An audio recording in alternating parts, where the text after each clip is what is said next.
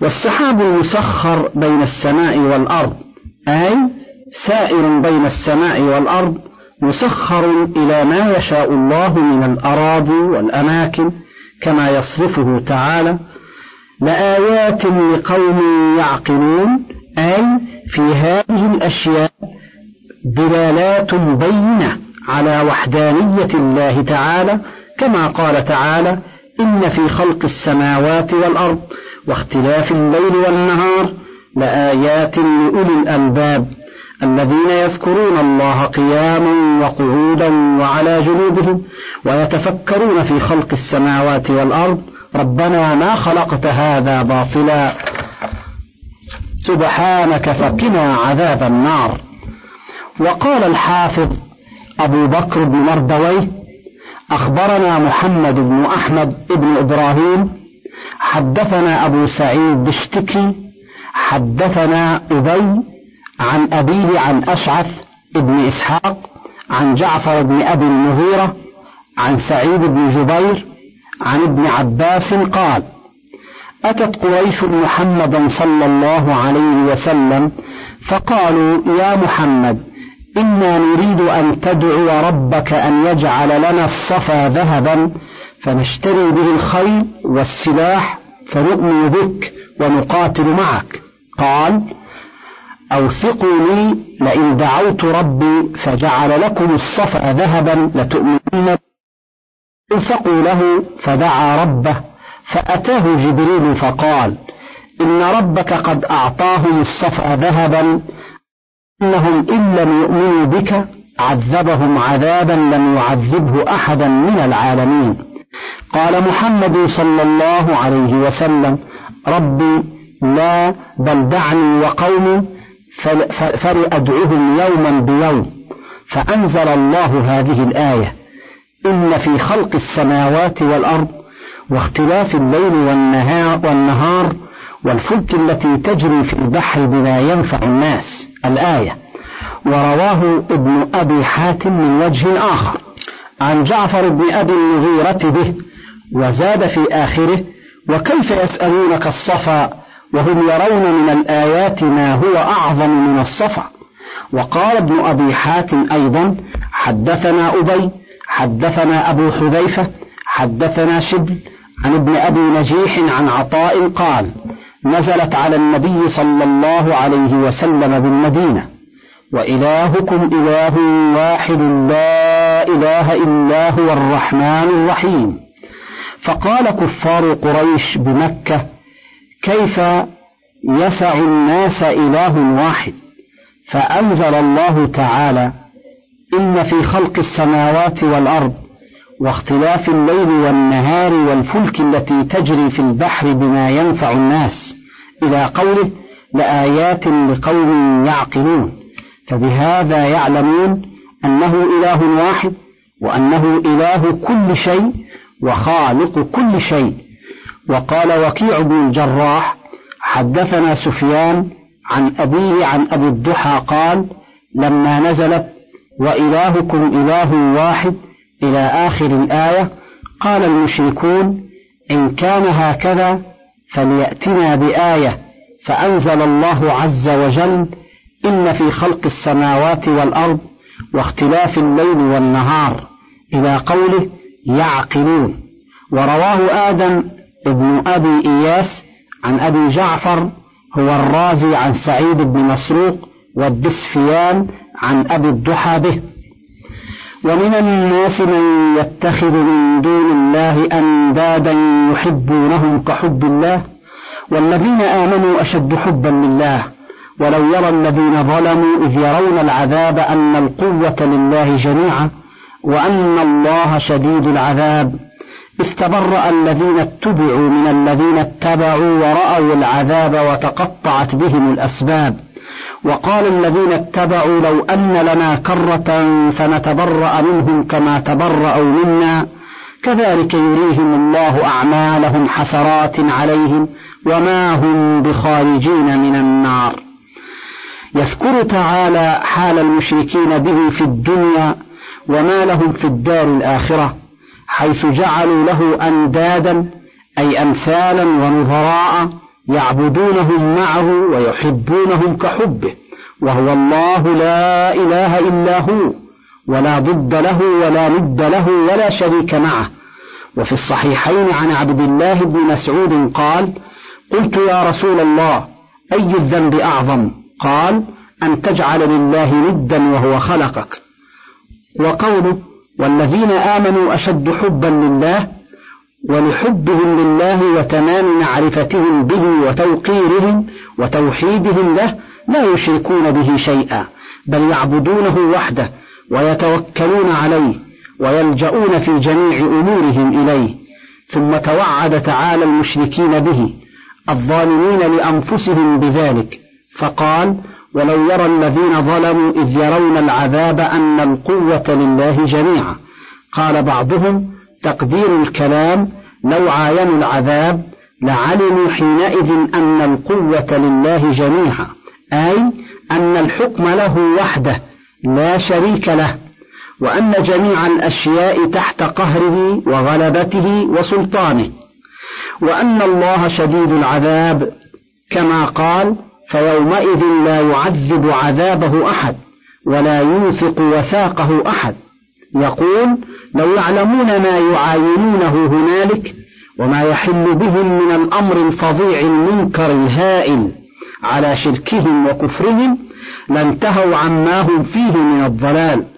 ثم أخبر عن كفرهم بأوثانهم وتبر المتبوعين من التابعين فقال إذ تبرأ الذين اتبعوا من الذين اتبعوا تبرأت منهم الملائكة الذين كانوا يزعمون أنهم يعبدونهم في الدار الدنيا فتقول الملائكة تبرأنا إليك ما كانوا إيانا يعبدون. ويقولون سبحانك أنت ولينا من دونهم بل كانوا يعبدون الجن أكثرهم بهم مؤمنون. والجن أيضا تتبرأ منهم ويتمصلون من عبادتهم له كما قال تعالى ومن أضل ممن يدعو من دون الله من لا يستجيب له إلى يوم القيامة وهم عن دعائهم غافلون وإذا حشر الناس كانوا لهم أعداء وكانوا بعبادتهم كافرين وقال تعالى واتخذوا من دون الله آلهة ليكونوا لهم عزا كلا سيكفرون بعبادتهم ويكونون عليهم ضدا. وقال الخليل لقومه إنما اتخذتم من دون الله أوثانا مودة بينكم في الحياة الدنيا ثم يوم القيامة يكفر بعضكم ببعض ويلعن بعضكم بعضا ومأواكم النار وما لكم من ناصرين. وقال تعالى ولو ترى إذ الظالمون موقوفون عند ربهم يرجع بعضهم إلى بعض القول يقول الذين استضعفوا للذين استكبروا لولا أنتم لكنا مؤمنين. قال الذين استكبروا للذين استضعفوا أنحن صددناكم عن الهدى بعد إذ جاءكم بل كنتم مجرمين. وقال الذين استضعفوا للذين استكبروا بل مكر الليل والنهار إذ تأمروننا أن نكفر بالله ونجعل له أندادا وأسروا الندامة لما رأوا العذاب وجعلنا الأغلال في أعناق الذين كفروا هل يجزون إلا ما كانوا يعملون وقال تعالى وقال الشيطان لما قضي الأمر إن الله وعدكم وعد الحق ووعدتكم فأخلفتكم وما كان لي عليكم من سلطان إلا أن دعوتكم فاستجبتم لي. فلا تلوموني ولوموا أنفسكم ما أنا بمصرخكم وما أنتم بمصرخي. إني كفرت بما أشركتموني من قبل. إن الظالمين لهم عذاب أليم. وقوله ورأوا العذاب وتقطعت بهم الأسباب. أي عاينوا عذاب الله وتقطعت بهم الحيل وأسباب الخلاص ولم يجدوا عن النار معدلا ولا مصرفا. قال عطاء عن ابن عباس وتقطعت بهم الأسباب قال المودة. وكذا قال مجاهد في رواية ابن أبي نجيح. وقوله وقال الذين اتبعوا لو أن لنا كرة فنتبرأ منهم كما تبرأوا منا. أي لو أن لنا عودة إلى الدار الدنيا حتى نتبرأ من هؤلاء ومن عبادتهم. فلا نلتفت إليهم بل نوحد الله وحده بالعبادة وهم كاذبون في هذا. بل لو ردوا لعادوا لما نهوا عنه وإنهم لكاذبون كما أخبر الله تعالى عنهم بذلك. ولهذا قال كذلك يريهم الله أعمالهم حسرات عليهم.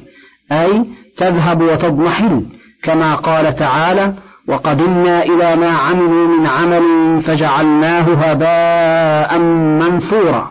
وقال تعالى مثل الذين كفروا مثل الذين كفروا بربهم أعمالهم كرماد اشتدت به الريح في يوم عاصف. الآية.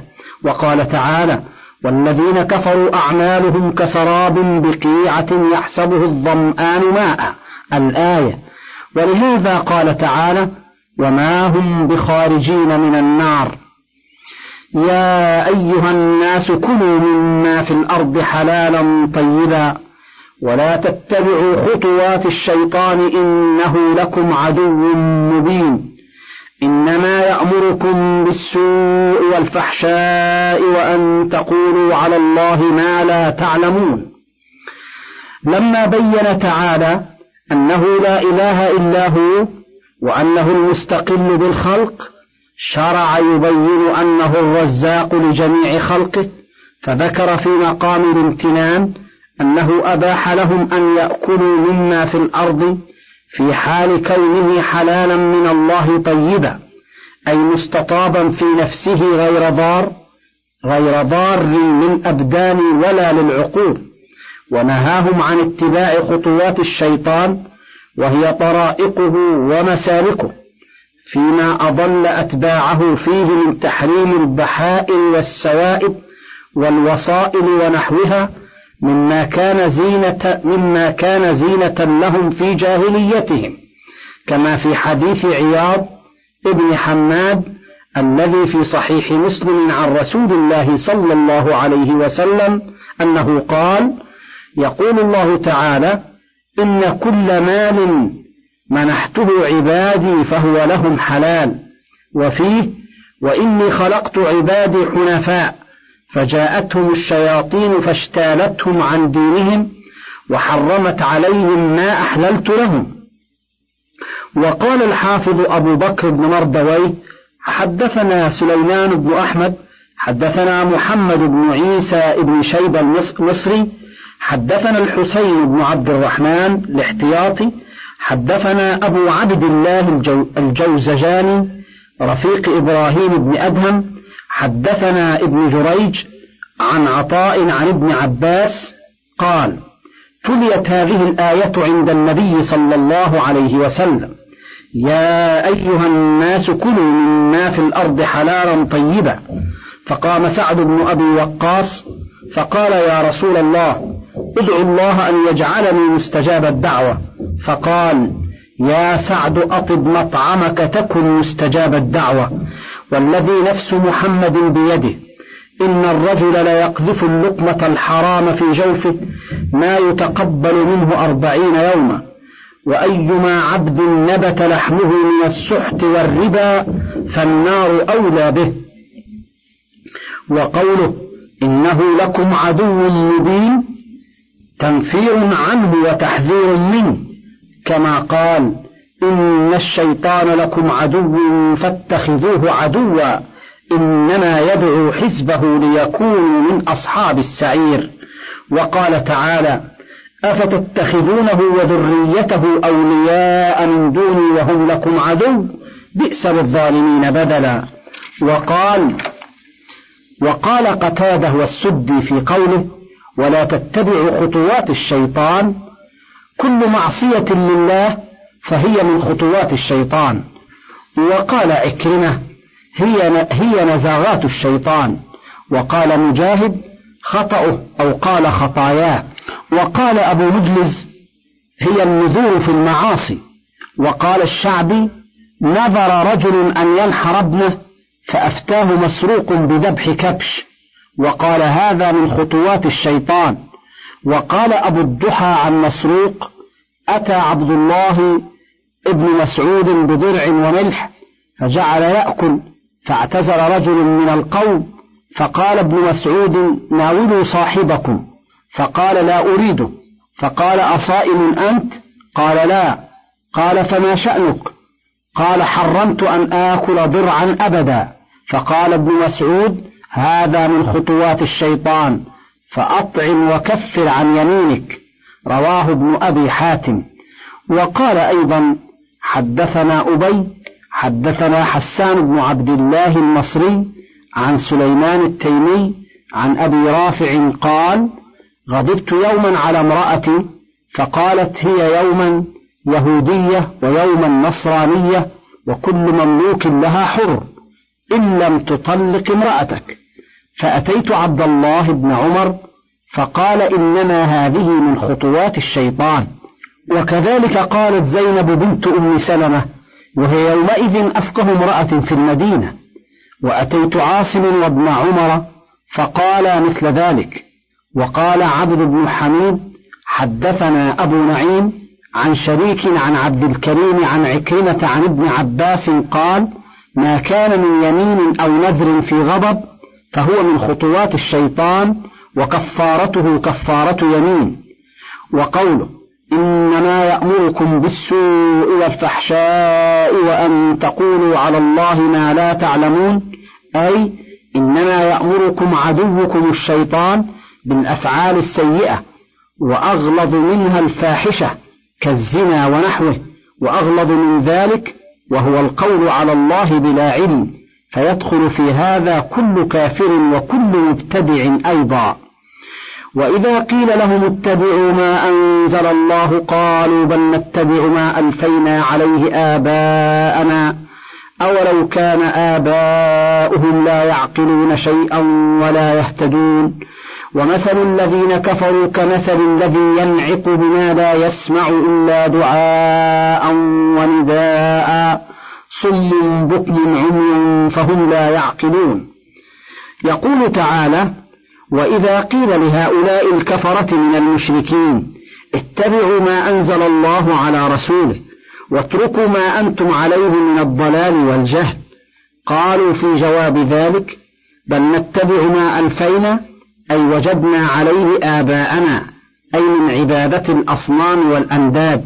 قال الله تعالى منكرا عليهم أولو كان آباؤهم أي الذين يقتدون بهم ويقتفون أثرهم. لا يعقلون شيئا ولا يهتدون. أي ليس لهم فهم ولا هداية.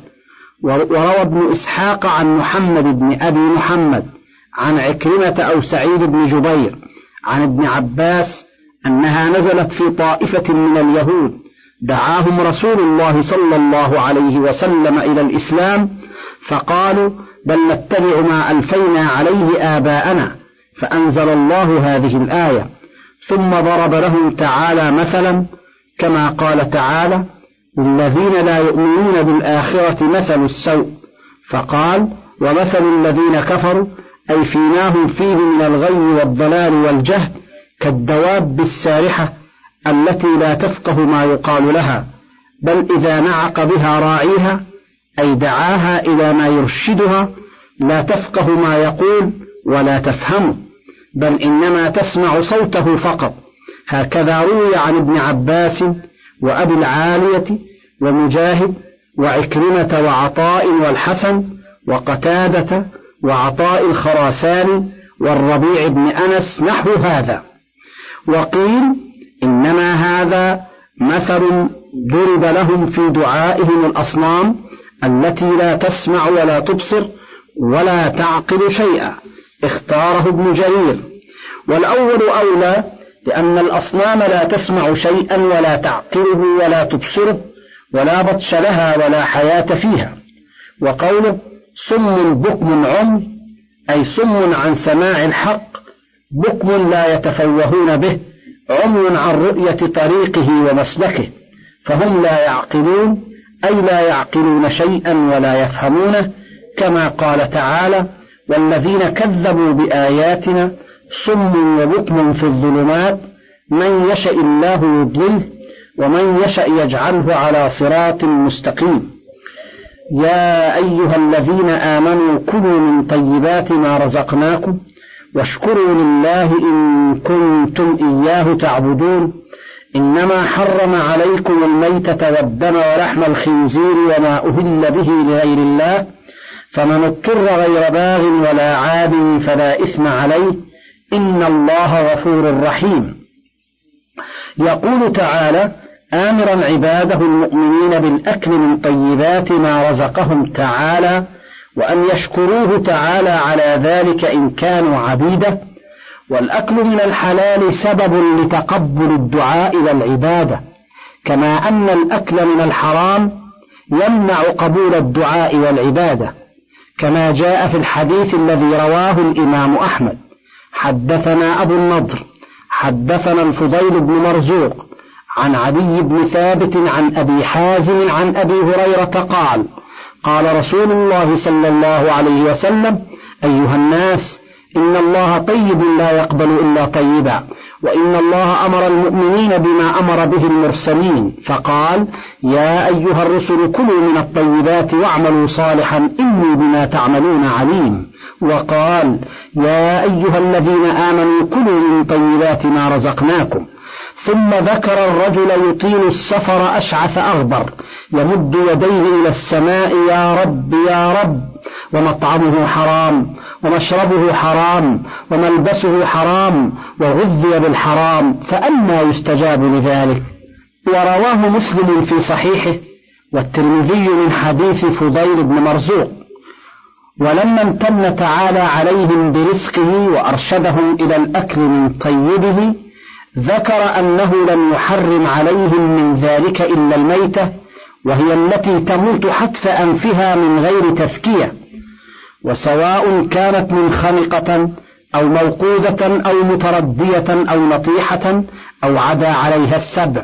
وقد خصص الجمهور من ذلك ميتة البحر لقوله تعالى أحل لكم صيد البحر وطعامه على ما سيأتي إن شاء الله. وحديث العنبر في الصحيح وفي المسند والموطأ والسنن قوله عليه السلام في البحر هو الطهور ماؤه. هو الطهور ماؤه الحل ميتته. وروى الشافعي وأحمد وابن ماجه والدار قطني حديث عمر مرفوعا. أحل لنا ميتتان ودمان السمك والجراد والكبد والطحال. وسيأتي تقرير ذلك إن شاء الله في سورة المائدة. مسألة ولبن الميتة وبيضها المتصل بها نجس عند الشافعي وغيره لأنه جزء منها. وقال مالك في رواية هو طاهر إلا أنه ينجس بالمجاورة.